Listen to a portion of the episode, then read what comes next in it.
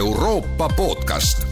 saade valmib koostöös Euroopa raadiote võrgustikuga Euronet pluss, mõista Euroopat paremini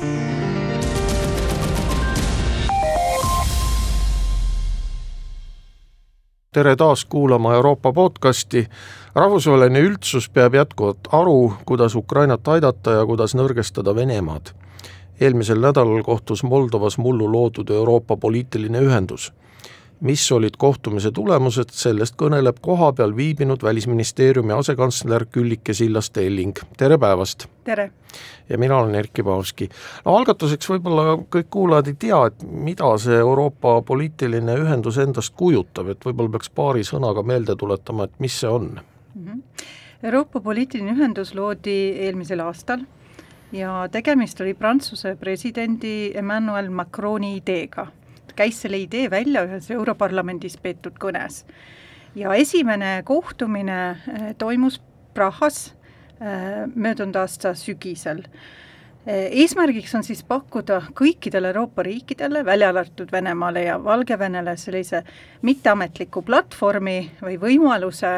istuda kõik võrdselt ühe laua taga ja arutada siis aktuaalsete Euroopat puudutavate teemade üle ja võib-olla oluline on öelda ka seda, et see on täiesti eraldiseisev Euroopa Liidu institutsioonidest, et see ei ole mingisugune Euroopa Komisjoni või Euroopa Parlamendi algatatud äh, initsiatiiv, see on mitteametlik äh, ja see on avatud siis, nagu ma ütlesin, kõikidele Euroopa riikidele, välja arvatud siis Venemaale ja Valgevenele no ma, ma küsin siit edasi, et noh, selliseid formaate ja, ja erinevaid kohtumisi on ju veel, eks ole, et, et võtame näiteks Rammsteini kohtumise, et mis see, erinevus siis on äh, Rammsteini kohtumisel ja Euroopa poliitilisel ühendusel, Rammsteini kohtumisel on ju ka vist Ameerika Ühendriigid. -hmm. jah, Rammsteini kohtumisel on väga selge fookus ja see on äh, koordineerida Ukrainale antavas, antavat sõjalist abi ja Ameerika Ühendriigid eh, juhivad seda protsessi, miks, miks Rammstein, sest et see toimub Rammsteini õhuväebaasis eh, ja, ja seal on üle viiekümne riigi tegelikult kaasatud. Eh, Euroopa poliitiline ühendus on, on selline mitteametlik noh, poliitiline, nii nagu selles pealkirjas on ka kirjas, ja ametlikku päevakorda ei ole Äh, selles mõttes, et iga kord noh, kaks korda on toimunud see kohtumine, siis on eraldi kokku lepitud need teemad, seekord oli näiteks, oli kolm teemat või fookusteemat, üks oli äh, julgeolek, siis oli ühenduvus ja energeetika. ja siis äh, nendel teemadel siis valitsusjuhid ja presidendid ehk Euroopa liidrid siis arutlesid omavahel. no sa ütlesid, et ametlikku päevakorda ei ole aga ometi ju peab olema mingisugune algatusgrupp, kes äh, seab äh, nagu nendele kokku tulevatele riikidele ette mingisugused punktid, millest rääkida, ei ole ju ettekujutletav, et äh, tuleb kokku nelikümmend viis riiki, istuvad maha ja siis nad ei teagi, millest räägitakse jah, tõsi ta on, et noh, nagu ma ütlesin, need teemad pandi varem paika ja see protsess käis selliselt, et iga riik või iga, iga siis kas peaminister või president nimetas ühe inimese, kes siis Äh, kes siis sai nii-öelda Sherbaks või nii-öelda nõunikuks, nõunikud käisid ka omavahel koos ja natuke arutasid neid, neid teemasid, nii et ette oli antud ka sellised äh, paberid või mõttepaberid, mille alusel ja, ja küsimused ka, mille alusel siis need peaministrid ja, ja presidendid arutasid. No see kohtumine leidis aset Moldovas, kolmkümmend viis kilomeetrit pealinnast Chisinau'st ühes veinilossis, miks just Moldovas, miks, miks valiti äh, riik, mis on tegelikult Euroopa ju üks vaesemaid? -hmm. nojah, miks, miks Moldova, miks mitte Moldova? no just, jah esimene kohtumine, nagu ma ütlesin, toimus Prahas ehk Tšehhis, Tšehhi oli siis Euroopa Liidu eesistujariik ning leiti, et võib-olla oleks sobilik, kui järgmine kohtumine toimuks mitte Euroopa Liitu kuuluvas äh, riigis. Moldova on tõepoolest vist Euroopa no kõige vaesem riik ja, ja ka nagu me teame, julgeoleku mõttes üsna haavatav, et nad on seal Ukraina kõrval ja, ja, ja selles mõttes oli see sümboolselt, ma arvan, väga tähtis, et nemad, et see kohtumine toimuski, nagu sa ütlesid, kolmkümmend viis kilomeetrit Kišinõust, aga ka kakskümmend kilomeetrit äh, Ukraina piirist. ja Zelenski, Ukraina president ju tuli kohale. tuli kohale, tuli isegi tund aega varem kohale, et, et saaks Moldova presidendiga siis ka eraldi veel privaatselt nii-öelda rääkida. Nii et kokkuvõttes ma arvan, et see oli väga, väga hea, et see toimus Moldovas, et selgelt pärast sellise suurejoonelise kohtumise korraldamist on, on, on nüüd Moldova kindlasti palju nähtavam, nähtavam Euroopa Liidus ja nähtavam üldse Euroopas laiemalt no tegelikult see nähtavus oli juba, seda oli juba tunda ka võib-olla päev varem, kui Prantsusmaa president Emmanuel Macron pidas olulise kõne, kus ta tegelikult tõstis Ida-Euroopat esile ja ja, ja meenutas seal ka seda eh, oma eelkäija Jacques Chirac'i kuulsat kõnet kahe tuhande kolmandal aastal, kui Chirac ütles, et Ida-Euroopa riigid oleks võinud kasutada võimalust vait olla, siis Macron nagu tõstis selle nagu ümber ja ütles, et, et et äh, Prantsusmaa oleks võinud kasu-, kasutada võimalust Ida-Euroopa riike kuulata, et noh, tegelikult see, ja seda on mõned kommentaatorid nimetanud ka selliseks nii-öelda pöördeks, et noh, et Macron nüüd täiesti siis asus nagu Ida-Euroopa Ida-Euroopa seisukohale või Ida-Euroopat toetama, et see, et ilmselt siis lõpevad ära igasugused ootused või ka kõned siis Vladimir Putinile. jah, ma president Macron ütles, noh, see oli selles mõttes väga oluline kõne, tal oli seal mitu erinevat mõtet, ühelt poolt ta kordas neid asju, mida ta on ka varem öelnud, tal on alati olnud väga selge, selge visioon nii-öelda Euroopa tulevikust, nii et ta rääkis äh, Äh, ka selles kõnes strateegilisest autonoomiast, mis ei ole üldsegi noh, selles mõttes uus, uus kontseptsioon või mõte, aga samas tal olid ka, ka mõned uued um,, uued punktid, just see, et ta ütles, et ma oleks pidanud teid kuulama, ehk Ida-Euroopa riike, arvestades teie ajaloolist kogemust, äh, oleks, oleksin pidanud teid kuulama. teine asi, mis ta ütles, mis oli minu hinnangul väga oluline, ta ütles, et on olemas ainult üks Euroopa. Ei ole olemas Ida, Ida- ja Lääne-Euroopat eraldi, et, et on olemas üks Euroopa. ja siis ta ütles ka Ukraina sõja kohta, et see sõda ei ole ainult või vaid Euroopa küsimus, vaid see on, see on tegelikult äh, kogu maailma mure või noh, suurem, laiem globaalne küsimus ja no kahtlemata see on globaalsem küsimus, aga sina, kui sa olid seal kohapeal, et millised siis need üldised meeleolud on? Ja ma lähtun siit sellest, mida sa ütlesid eh, Macroni kohta, et on olemas vaid ainult üks Euroopa, no millal siis võiksid Ukrainaga alata liitumiskõnelused, Euroopa Liiduga liitumiskõnelused Moldovaga? Ja mis siis saab Gruusiast? Mm? -hmm kõikide kandidaatriikide puhul tegelikult kehtib see, see nii-öelda reegel või põhimõte, millest ka meie oleme alati kinni pidanud, on, et nad peavad tegema oma kodutöö ära. noh, see on täiesti selge, Euroopa Liiduga liitumine äh, on pikaajaline protsess ja nagu me mäletame, äh, Eesti kogemusest on, see nõuab väga palju tööd. Ukraina on olnud uskumatult tubli, äh, tuleb öelda,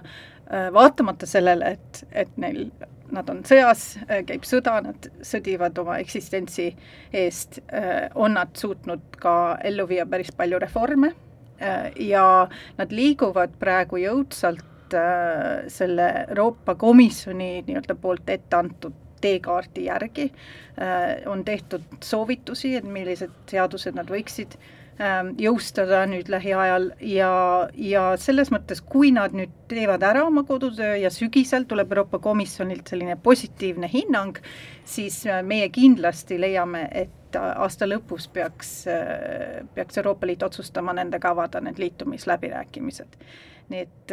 noh, täna ei ole võimalik veel öelda, milline see täpselt, milline see hinnang nagu tuleb, aga noh, olles jälginud nende äh, nende edusamme ja tööd, siis, siis on, lootust on. lõpuks on muidugi poliitiline otsus ka, et, et ju kõik, kõik liikmesriigid peavad olema nõus, aga meie seisame kindlasti selle eest, et kui nad on objektiivselt oma kodutöö ära teinud, siis nad peaksid selle kutsega saama. Moldova puhul on ka, noh, neile on ka äh, omad noh, need sammud, mis nad peavad astuma, Moldova teeb ka edusamme, Eesti on ka siin nõustamas, me nõustame nii, nii Moldovat kui ka Ukrainat ja tegelikult juba, juba üsna pikalt. praegu me keskendume just eurointegratsiooniprotsessile, nii et noh, lootus, lootust on, ma usun, ka, ka Moldova puhul, et aga, aga noh, tuleb ära oodata need komisjoni hinnangud ja no vahe on, eks ole, siis selles, et, et Ukraina ja Moldova on Euroopa Liidu kandidaatriigid ja, ja Gruusia ei ole, et noh, mis seisus see Gruusia on, seal tundub, et seal on nagu probleemid on selles, et et riiki juhib ikkagi suhteliselt venemeelne valitsus ja praegu on riigis väga palju ka vene sisserändajaid mm. Jah, ja mõningad avaldused, mis nad on teinud, eriti viimasel ajal, on tõesti niimoodi küsitavad ausalt öeldes, aga, aga mis puudutab nende eurointegratsiooniprotsessi, siis nad on üsna kaugele, kaugele jõudnud, aga noh, need kriteeriume on mitu ja, ja kui vaadata seda nagu poliitilist olukorda, siis seal vist on need põhi, põhiprobleemid, et ikkagi opositsioonil ei ole noh, neid samad, samad tingimused ja õigused, kui on, on valitsuse erakondadel. Äh, aga noh, Gruusiat tuleb noh, me, me oleme aastaid muidugi neid, neid ka toetanud, äh, kaheksakümmend protsenti grusiinidest toetab väga nende eurointegratsiooni või liitumist Euroopa Liiduga, nii et nendega kindlasti tuleb edasi, edasi suhelda, äh, aga kas nad, kas nad nüüd saavad selle kutse, ma ei tea, eelmine aasta nad lootsid selle saada ja, ja ei saanud, just nimelt seoses nende, nende selle poliitilise olukorraga riigis no ma pinin korra selle Ukraina puhul veel edasi, et äh, Lennart Meri konverentsil väljendati mõtet ja, ja ma olen ise ka seda mõelnud, et aga kuidas see ikkagi nagu reaalsuses välja näeks, Ukraina saamine Euroopa Liitu, mitte et mul oleks midagi selle vastu, aga ma mõtlen siin igasuguseid äh, rahaeraldisi, ühtekuuluvusfondi, ühtset põllumajanduspoliitikat, äh, noh, Lennart Meri konverentsil väljendati mõtet näiteks, et et kui praeguse süsteemi järgi Ukraina võetakse Euroopa Liitu, siis põhimõtteliselt läheks terve see ühtse põllumajanduspoliitika eelarve Ukrainale, et noh, järelikult tuleks mõelda mingisugune no kas siis mingi oma eriti eraldi süsteem Ukrainat silmas pidades või tuleks siis neid Euroopa Liidu eelarvereegleid muuta, noh, praegu võiks ju mõelda, et et, et see on kõik kauge tulevik, aga noh, samas võib-olla liikmesriikide sisepoliitikat arvestades oleks võib-olla hea anda valijatele mingisugune signaal, et Ukraina ei võta neilt raha ära. Mhm. nojah, see integratsioon võtab aega tõepoolest ja selle integratsiooni käigus ma arvan, et paljud need küsimused äh, siis äh, vaieldakse läbi ja, ja vaadatakse üle, et see, et selleks, et siis see liitumishetkel see šokk nii-öelda, see šokk äh, ei saa olema nii suur.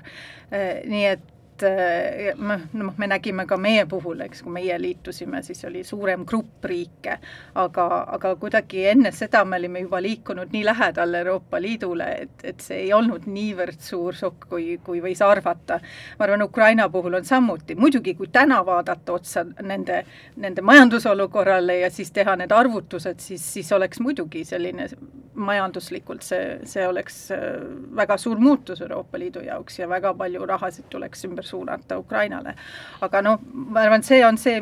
põhimõte, mille alusel Euroopa Liit on kogu aeg tegelikult tegutsenud, et tulebki lõpuks, me tahame kõik jõuda samale tasemele välja, selleks ongi need äh, igasugused äh,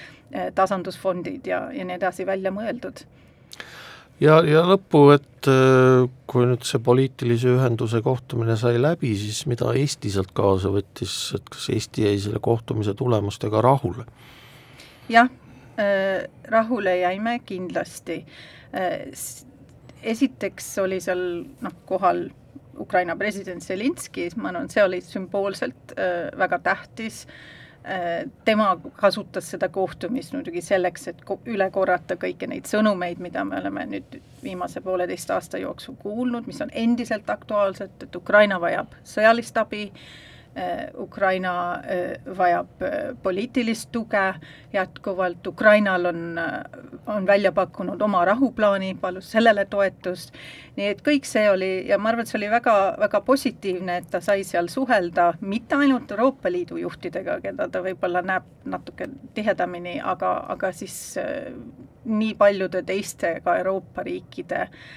juhtidega, et see oli positiivne, teine aspekt oli muidugi see Moldova toetamine, mis, mis oli ka väga oluline, et et saime, saime kõik äh, näidata, et, et Moldova on, kuulub Euroopasse äh, ja et me ei tohiks unustada, unustada Moldova ja et Moldova vajab jätkuvat tuge. Ja nagu ma ütlesin enne, nad said suurepäraselt hakkama sellise väga suure äh, suure tippkohtumise korraldamisega ja ma arvan, et see juba iseenesest oli väga, väga oluline. aitäh stuudiosse tulemast, Külliki Sillaste-Elling, see oli meie tänane Euroopa podcast, kõike head ja kuulmiseni!